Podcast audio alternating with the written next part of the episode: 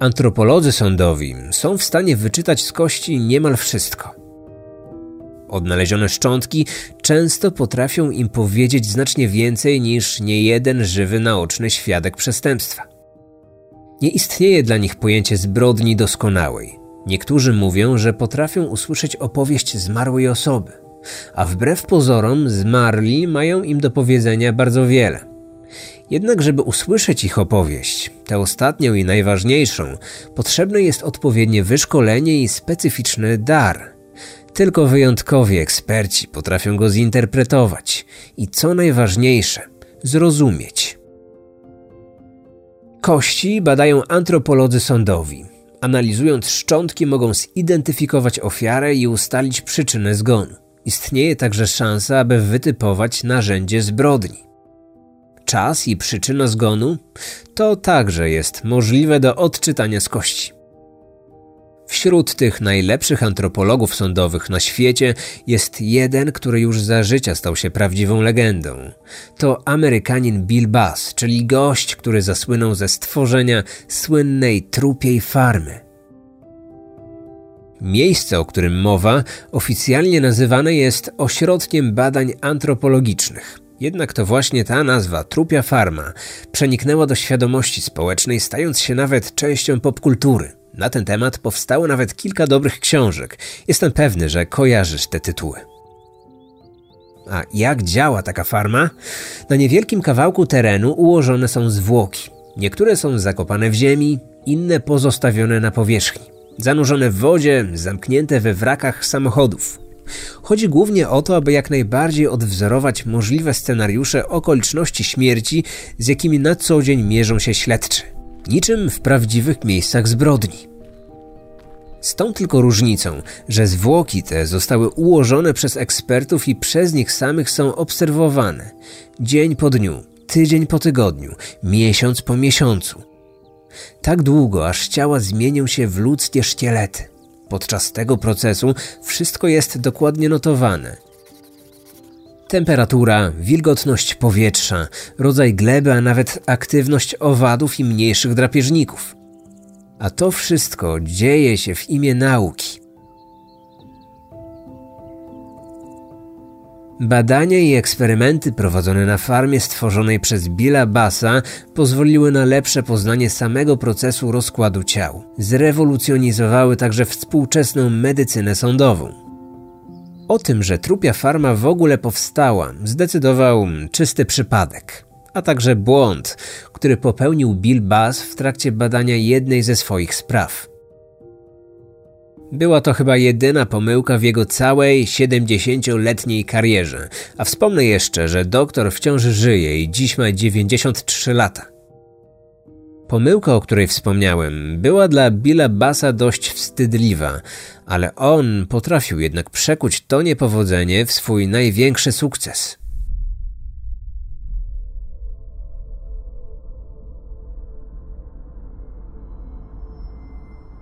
Wróćmy jednak do samego początku. William Marvin Bass III, bo tak się oficjalnie nazywa, urodził się w roku 1928. Śmierć towarzyszyła mu właściwie od samego dzieciństwa. Gdy miał 3 lata, jego ojciec popełnił samobójstwo. Był młodym i dobrze zapowiadającym się prawnikiem.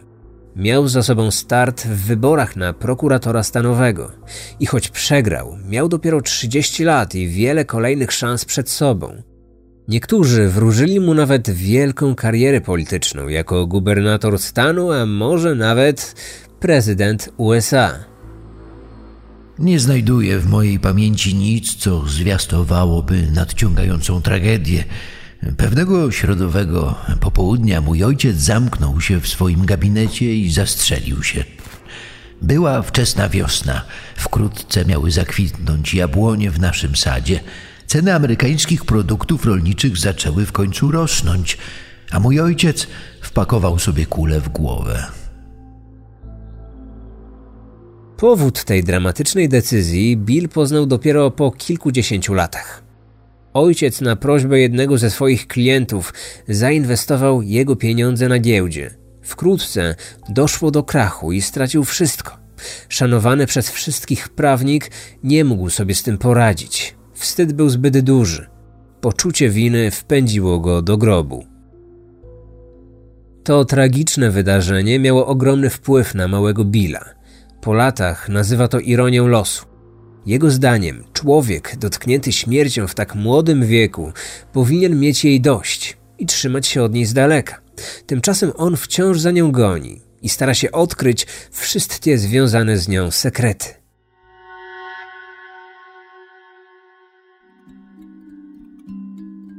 Bill wychował się w rodzinie, która wielką wagę przywiązywała do wykształcenia. W roku 51 ukończył psychologię na Uniwersytecie w Virginii. No i poczuł niedosyt. Od zawsze interesował się ludzkimi zachowaniami i procesami zachodzącymi w społeczeństwie. Chciał zrozumieć rolę kultury w życiu człowieka. Dlatego właśnie przeniósł się do Lexington w Kentucky. Chciał wziąć tam udział w kursie antropologii, który był prowadzony na tamtejszej uczelni. Jego kariera eksperta sądowego rozpoczęła się zupełnie przypadkowo. Do dziś to jedna z jego ulubionych anegdot, które kiedyś często opowiadał swoim studentom. Zimą 1954 roku w mglisty, wilgotny poranek na dwupasmowej drodze zderzyły się dwie ciężarówki, które natychmiast stanęły w ogniu. Gdy pożar ugaszono, wewnątrz pojazdów znaleziono trzy zwęglone ciała. Bez trudu zidentyfikowano dwóch kierowców, lecz tożsamość trzeciej ofiary pozostawała tajemnicą. Kilka miesięcy po pogrzebie ofiar sprawa odżyła w lokalnej prasie. Policja postanowiła spróbować rozwiązać te tajemnice. O pomoc w identyfikacji tajemniczego pasażera poproszono stanowego antropologa sądowego.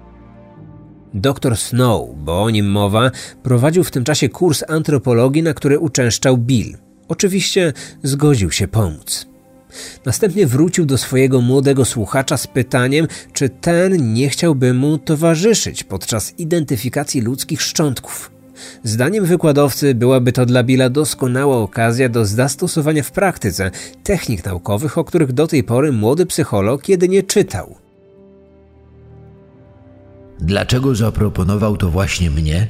Być może docenił mój młody i błyskotliwy intelekt, a może po prostu skłonił go do tego fakt, że miałem samochód, który mógł nas zawieźć na wiejski cmentarz, gdzie pochowano tajemniczą ofiarę. Tak czy inaczej, chętnie skorzystałem z tej okazji.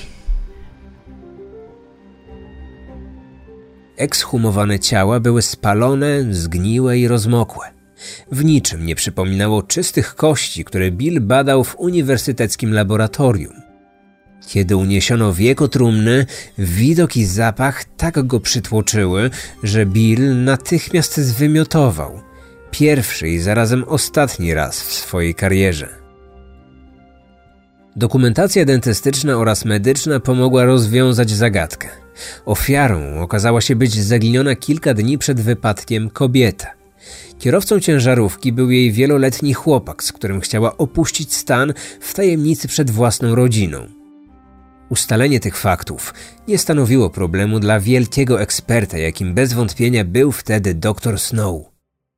Antropolog stanowy za swoją pracę otrzymał 25 dolarów, z czego 5 trafiło do kieszeni Basa. Jednak to nie zarobek zwrócił uwagę Billa, ale prawdziwa łamigłówka, którą pomógł rozwiązać.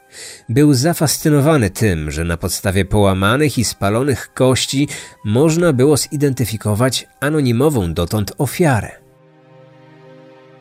Naukowe metody badawcze, sekrety czekające na odkrycie i śmierć skrywająca w sobie mnóstwo tajemnic, które mógł odkryć ktoś taki jak on. Tamtego pamiętnego dnia Bas złapał ogromnego bakcyla i już wiedział wtedy, kim chciał być – antropologiem sądowym. Bill postanowił zmienić swoje plany. Miał 27 lat, młodą i błyskotliwą żonę oraz półrocznego synka. Okres wakacyjny spędzał na badaniu setek szkieletów Indian północnoamerykańskich. Jego niezwykły talent i wiedza sprawiły, że coraz głośniej mówiono o nim w kręgach amerykańskich antropologów. Już rok później został zaproszony na studia doktoranckie na Uniwersytecie Harvarda. Tamtejszy Wydział Antropologii uważany był za najlepszy w kraju. Z pewnością było to dla niego ogromne wyróżnienie. Jednak ku zaskoczeniu władz uczelni Bill ostatecznie propozycję odrzucił. Uznał, że tylko w jednym miejscu może się nauczyć tego, co chciał. W Filadelfii, gdzie antropologię wykładał jeden z największych ekspertów w tej dziedzinie, słynny doktor Wilton Krogman, znany w swoim środowisku jako detektyw kości. Po rozpoczęciu nauki Bill miał możliwość wzięcia udziału tylko w jednym kursie prowadzonym przez słynnego doktora. Dla przyszłego antropologa było to stanowczo za mało. Jednak już wkrótce drogi mistrza i ucznia nieoczekiwanie się zbiegły i ponownie o wszystkim zadecydował hmm, przypadek. Kilka tygodni po rozpoczęciu semestru słynny detektyw kości spadł ze schodów w swoim domu. Doznał rozległego złamania nogi. Do tej pory na uczelnię dojeżdżał autobusem, jednak gips sięgający od stopy aż do pachwiny uniemożliwił mu chodzenie. Nie był w stanie przejść drogi prowadzącej z jego domu na przystanek autobusowy. Bill mieszkał wtedy kilkaset metrów od domu doktora. Zaproponował, że będzie go podwoził na uniwersytet i z powrotem, dopóki ten nie wyzdrowieje.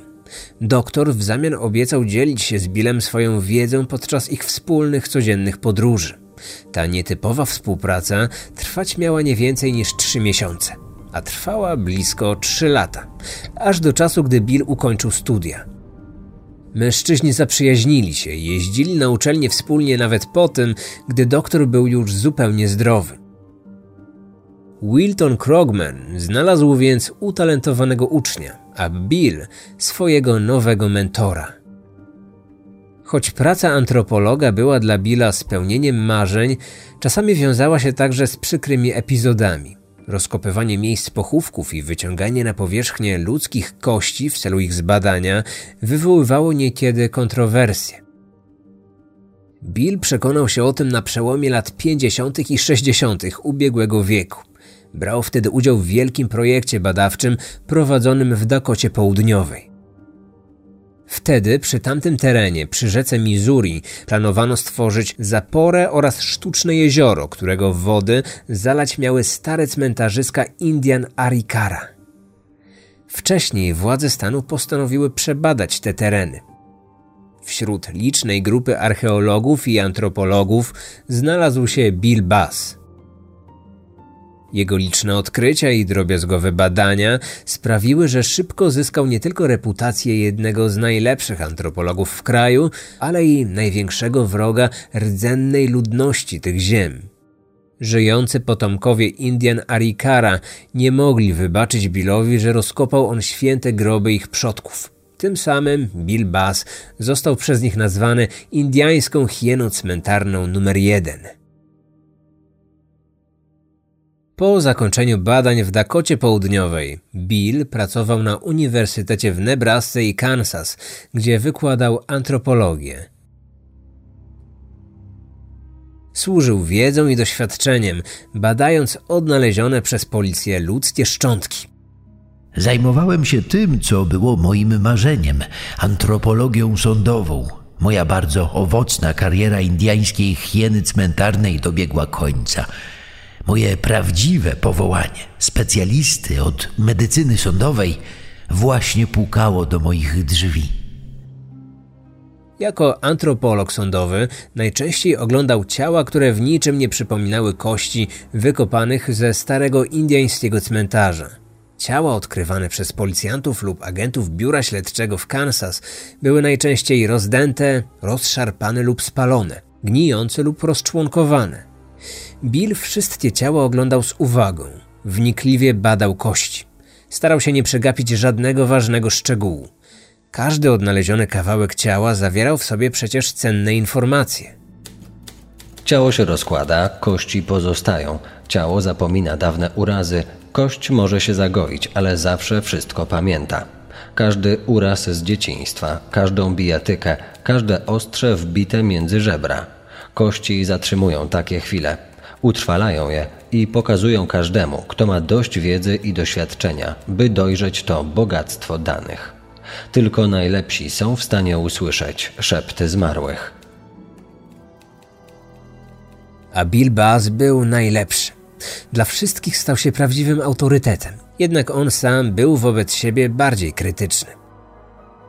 Wiedział, że dokładne określenie czasu zgonu zależy od bardzo wielu czynników i że wiedza teoretyczna nie zawsze pokrywa się z praktyką. I właśnie w Kansas w roku 64 po raz pierwszy przyszedł mu do głowy pomysł stworzenia czegoś, co mogłoby poszerzyć jego wiedzę. Rozległą, ale zdaniem Billa niewystarczającą. Ponieważ w ówczesnym Kansas więcej było krów niż ludzi, agenci tamtejszego biura śledczego często zajmowali się sprawami kradzieży bydła. Pewnej nocy złodzieje połakomili się na kilka krów. Nie zabrali ich jednak ze sobą, a zabili je na miejscu. Zniknęło tylko mięso. Pozostały same kości. Szef biura zapytał Billa, czy może on zbadać szkielety i podać przybliżoną datę śmierci tych zwierząt. Nie znałem wówczas żadnych metod, które pozwoliłyby mi określić, ile czasu upłynęło od śmierci tych krów. Mogłem powiedzieć, ile miała lat i jak została zabita, ale nie umiałem powiedzieć kiedy. Miałem jednak pewną propozycję. Tempo rozkładu ciała inne jest latem, a inne zimą. Wówczas nie prowadzono żadnych badań w tej materii. Bill zapytał, czy jakiś farmer zgodziłby się zabić krowę i zostawić ją na polu, a najlepiej kilka krów. Mógłby wtedy przeprowadzić stosowny eksperyment i sprawdzić, jak długo rozkłada się ciało w aktualnych warunkach pogodowych i środowiskowych. Pomysł ten uznano jednak za hmm, zbyt ekstrawagancki i całkowicie z niego zrezygnowano. Jednak Bill Bass nigdy o nim nie zapomniał. 15 lat później w Tennessee dopiął swego. W realizacji swojego szalonego planu poszedł jednak znacznie dalej. Krowie ciała zastąpiły ludzkie zwłoki. Bezpośrednim powodem utworzenia ośrodka badań antropologicznych stała się dość bolesna pomyłka, którą Bill popełnił w pierwszych dniach 78 roku. Był już wówczas profesorem na Wydziale Antropologii Uniwersytetu Tennessee w Knoxville. Równocześnie pracował jako antropolog sądowy w biurze stanowego lekarza sądowego. Tuż po Bożym Narodzeniu Bill Bass został wezwany na pewien cmentarz rodzinny. Mieścił się on na terenie rezydencji należącej niegdyś do rodziny żołnierza wojny secesyjnej. Podpułkownik William Shy zginął podczas bitwy pod Nashville w roku 1864 i blisko 113 lat po jego pogrzebie nieznani sprawcy pod osłoną nocy rozkopali jego grób. Gdy na miejsce przybyli policjanci, ich oczom ukazał się makabryczny widok. Tuż pod powierzchnią świeżo przekopanej ziemi znaleźli coś, co wyglądało na ciało ofiary całkiem niedawnego morderstwa. Dokładnie rzecz biorąc, większość ciała, ponieważ pozbawione było ono głowy, ułożone było w pozycji siedzącej na wieku XIX-wiecznej trumny. W trumnie wybity był sporej wielkości otwór. Wewnątrz nie było już kości podpułkownika. Nikogo to jednak nie zdziwiło. W wilgotnej glebie Tennessee po tak długim czasie nawet po kościach pozostaje zazwyczaj jedynie garść drobnych fragmentów.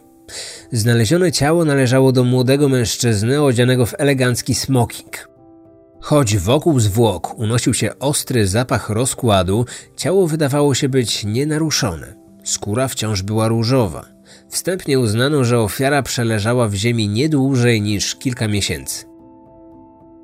Ale dlaczego została pochowana w grobie z czasów wojny secesyjnej? Odpowiedź wydawała się prosta. Czy znajdziesz lepsze miejsce do ukrycia zwłok niż grób? Policja sprawdzała listę zaginionych w ostatnim czasie młodych mężczyzn, a tymczasem Bill zabrał się za badanie bezgłowej ofiary. Opierając się na stanie zachowania skóry i stopniu rozkładu, antropolog sądowy podał policjantom wstępną ocenę. Jego zdaniem Denat nie żył od kilku miesięcy, na pewno nie dłużej niż rok.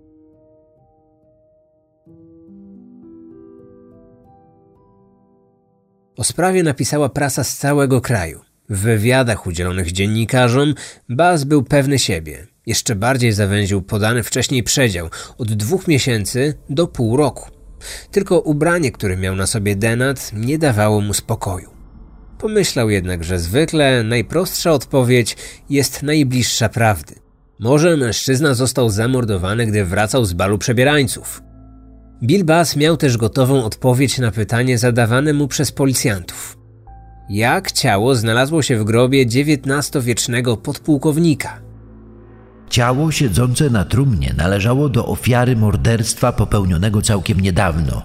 Chcąc je ukryć, sprawcy rozkopali stary grób, następnie rozbili trumnę, próbując do tej trumny wcisnąć ciało, przypadkiem urwali głowę. Ta wypowiedź kosztowała Billa mnóstwo wstydu.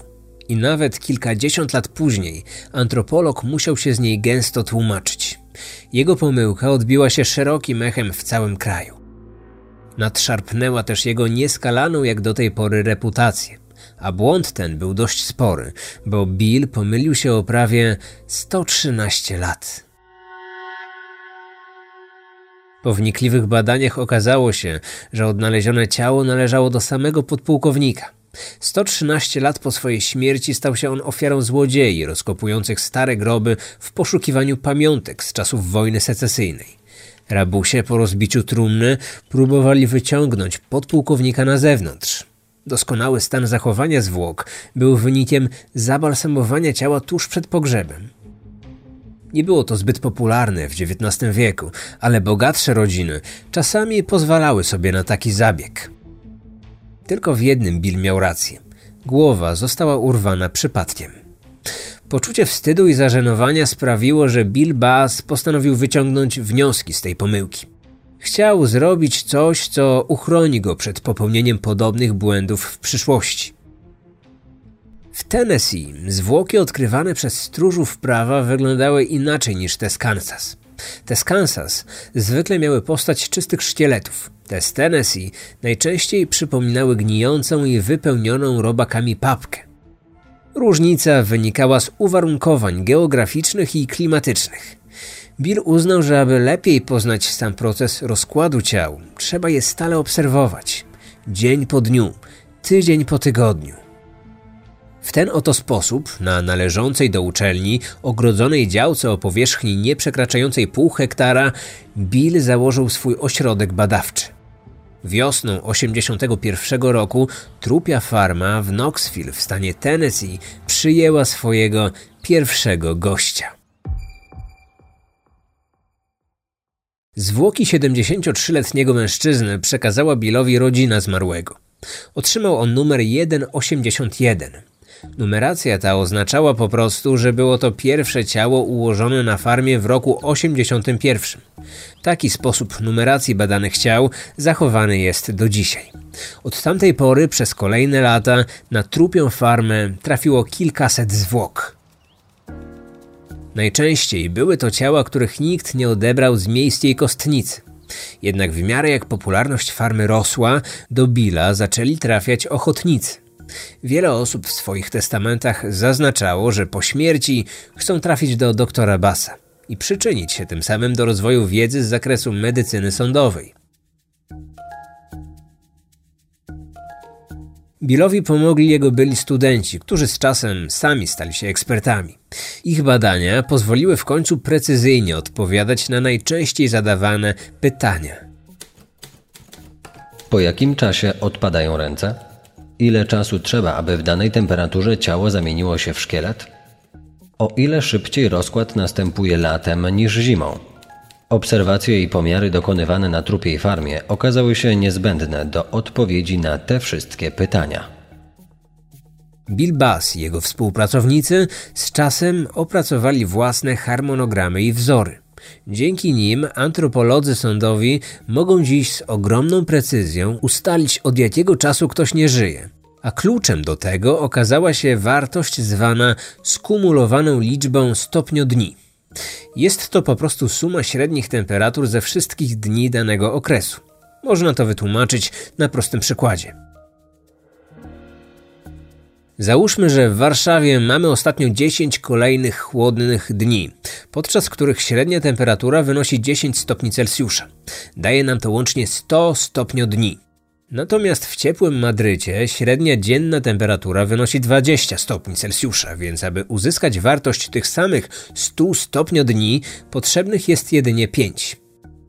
Zarówno w Warszawie, jak i w Madrycie rozkład zwłok w trakcie tych 100 stopniodni będzie taki sam. Z tą tylko różnicą, że w zimniejszej Warszawie proces ten potrwa dwa razy dłużej. Bill Bass oszacował, że do całkowitego rozkładu ciała, tak aby pozostał jedynie szkielet, potrzebnych jest 1200 stopniodni. Metodą, którą opracowano na trupiej farmie, można było łatwo wyliczyć, ile dni będzie potrzebnych do tego, aby ciało zmieniło się w szkielet. Licząc od końca, pozwala to bardzo dokładnie wskazać dzień dokonania morderstwa. Eksperymenty prowadzone przez zespół Billa Bassa pozwoliły również stworzyć urządzenie, które odpowiednio zaprogramowane potrafi odnaleźć ukryte zwłoki. Ten mechaniczny nos wygląda jak połączenie odkurzacza z wykrywaczem metalu. Jest w stanie wykryć ponad 500 związków chemicznych, które uwalniane są z rozkładającego się ciała. Analizując ich zawartość w powietrzu, można wskazać, gdzie morderca zakopał ciało swojej ofiary. Aby było to możliwe, najpierw trzeba było odkryć i poznać te związki chemiczne. Tego dokonano oczywiście no, na trupiej farmie. Gdy zwłok zaczęło przybywać, Bill Bass postanowił nadać temu miejscu jakąś poważną naukową nazwę. Zdecydował się na Ośrodek Badań Antropologicznych w Knoxville, Tennessee. Jeden z jego współpracowników miał jednak swoje własne określenie trupia farma. Przyznaj, tę nazwę łatwiej zapamiętać. Nic więc dziwnego, że już wkrótce większość policjantów i agentów FBI właśnie tak zaczęło nazywać ten skrawek ziemi odgrodzony płotem od wścibskich oczu ciekawskich gapiów. Dziś trupią farmę znają wszyscy ci, którzy interesują się kryminalistyką i tematami coraz popularniejszego gatunku true crime. Jednak nie zawsze tak było – do popularyzacji tego miejsca i jej nieoficjalnej nazwy przyczyniła się pisarka Patricia Cornwell. Autorka poczytnych kryminałów od dawna była zafascynowana osobą Billa Bassa.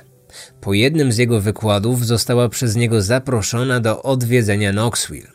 Wrażenie, jakie wywarł na niej ośrodek, zaowocowało w roku 94 napisaniem książki.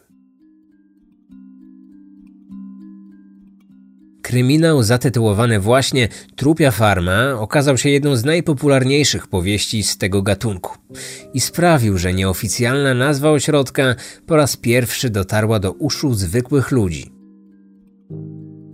Od tego czasu Trupia Farma cieszy się niesłabnącym zainteresowaniem zarówno dziennikarzy i ekip telewizyjnych, jak i, a może przede wszystkim, dawców. Każdego roku setki osób, i to nie tylko ze Stanów Zjednoczonych, w swoim testamencie zawierają wzmiankę, że po śmierci chcą trafić właśnie na trupią farmę, aby w ten sposób przyczynić się do dalszego rozwoju medycyny sądowej. Bill Bass po sukcesie książki był stałym gościem wielu programów telewizyjnych i niekwestionowaną gwiazdą światowej antropologii. Media zaczęły opisywać sprawy, które pomagał rozwiązać. Zarówno nowe, jak i te sprzed wielu lat, gdy jeszcze nikt o nim nie słyszał. Wśród tych ostatnich wymienić należy przede wszystkim badanie szczątków Orlątka, czyli porwanego i zamordowanego syna Charlesa Lindberga. W tym przypadku Bill nie mógł pomóc. Zbyt skąpe fragmenty kości dziecka nie pozwoliły mu na znalezienie czegokolwiek, co mogłoby potwierdzić albo obalić dowody przedstawione podczas procesu stulecia w roku 1935. Zresztą odcinek na temat tej sprawy omawialiśmy już na Kryminatorium. Odsyłam cię do, mm, niech zerknę, 116 odcinka podcastu, który został opublikowany w październiku. Ale wracając do naszej historii. Bill miał więcej szczęścia w roku 99, gdy poproszono go o pomoc przy głośnej wówczas sprawie morderstwa trzyosobowej rodziny w Mississippi. Choć do zbrodni doszło 6 lat wcześniej, a Bass nawet nie miał możliwości osobistego badania zwłok, bez trudu wskazał zabójcę. Aby tego dokonać, wystarczyły mu zaledwie policyjne zdjęcia wykonane na miejscu zbrodni w roku 93. Dzięki niemu morderca został schwytany i skazany na karę śmierci. Jednak podczas procesu tego zbrodniarza sporą czkawką odbił się Billowi podpułkownik Shai. Jego słynna pomyłka była wykorzystywana przez obronę mordercy do podważenia autorytetu antropologa. Jednak swoją wielką charyzmą i ogromną wiedzą zdołał on ostatecznie przekonać ławę przysięgłych do własnych racji. Jedną z najgłośniejszych spraw, przy których Bill Bass pracował, była bez wątpienia katastrofa samolotu, w którym zginęli trzej popularni amerykańscy muzycy rock'n'rollowi. Zginęli wtedy Holly, Valence i Richardson, ten ostatni znany jako Big Bapper. Wypadek miał miejsce w roku 59 i przeszedł do historii jako dzień, w którym umarła muzyka. Przez lata na temat tej katastrofy powstało mnóstwo mitów i legend, zarówno tych mniej, jak i bardziej prawdopodobnych. Jedna z plotek głosiła, że jeden z muzyków, Big Bapper, nie tylko przeżył katastrofę, ale i wydostał się z samolotu, próbując wezwać pomoc. Wiosną 2007 roku na prośbę rodziny muzyka dokonano ekshumacji. Nad otwartą trumną stanął Bill Bass. Miał on udzielić ostatecznej odpowiedzi na pytanie, które nurtowało wielu. Jego werdykt nie pozostawił złudzeń. Rany odniesione podczas katastrofy były zbyt rozległe, aby ofiara była w stanie samodzielnie się przemieścić. Co więcej, antropolog udowodnił, że muzyk zmarł na miejscu, a jego ciało zostało wyrzucone z samolotu na odległość kilkudziesięciu metrów już po śmierci. Swoją drogą na ten temat również już opowiadałem, ale tym razem nie na kryminatorium, a na dawnym niediegetyczne kilka lat temu. Dziś Bill Bass ma prawie 93 lata. Od dawna jest na emeryturze. Nie ma jednak czasu na nudę. Wciąż pomaga policji i FBI w rozwiązywaniu zagadek kryminalnych. Zdrowie na wiele mi nie pozwala. Są rzeczy, których robić już nie mogę. Nie podróżuję już tak często jak kiedyś. Nie potrafię jednak siedzieć bezczynnie i cieszyć się moją emeryturą. Wciąż ścigam śmierć i próbuję wyrwać z jej szponów wszystkie tajemnice. Choć równie dobrze można powiedzieć, że to śmierć ściga jego.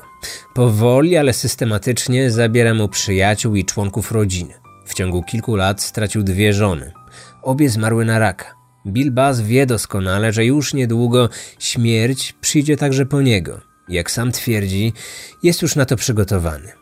Zaplanował nawet, co będzie robił po śmierci. Pewnie się domyślasz. Chce, żeby jego ciało trafiło tam, gdzie zaczęła się jego największa kariera, czyli na trupią farmę. Jego historia zatoczy wtedy koło. Bill stanie się kolejnym eksponatem. Ci, których wyszkolił, będą go obserwować. Zrobią notatki, gdy tysiące much plujek złoży jaja we wszystkich otworach jego ciała. Sprawdzą po jakim czasie jego ciało zacznie nabrzmiewać, kiedy spod jego skóry zaczną wystawać kości. Na sam koniec, już jako czysty szkielet, Bill trafi na uniwersyteckie stoły. Młodzi studenci antropologii wezmą do ręki jego czaszkę i każdą jego kość. Obejrzą, dokładnie zmierzą i zapamiętają – a to wszystko po to, aby w przyszłości stać się takimi jak ten, na którego kościach będą się uczyć. Takimi jak on.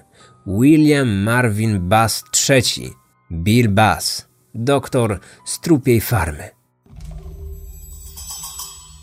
Odcinek powstał w oparciu o dwie książki z cyklu Trupia Farma, które Bill Bass napisał wspólnie z dziennikarzem Johnem Jeffersonem.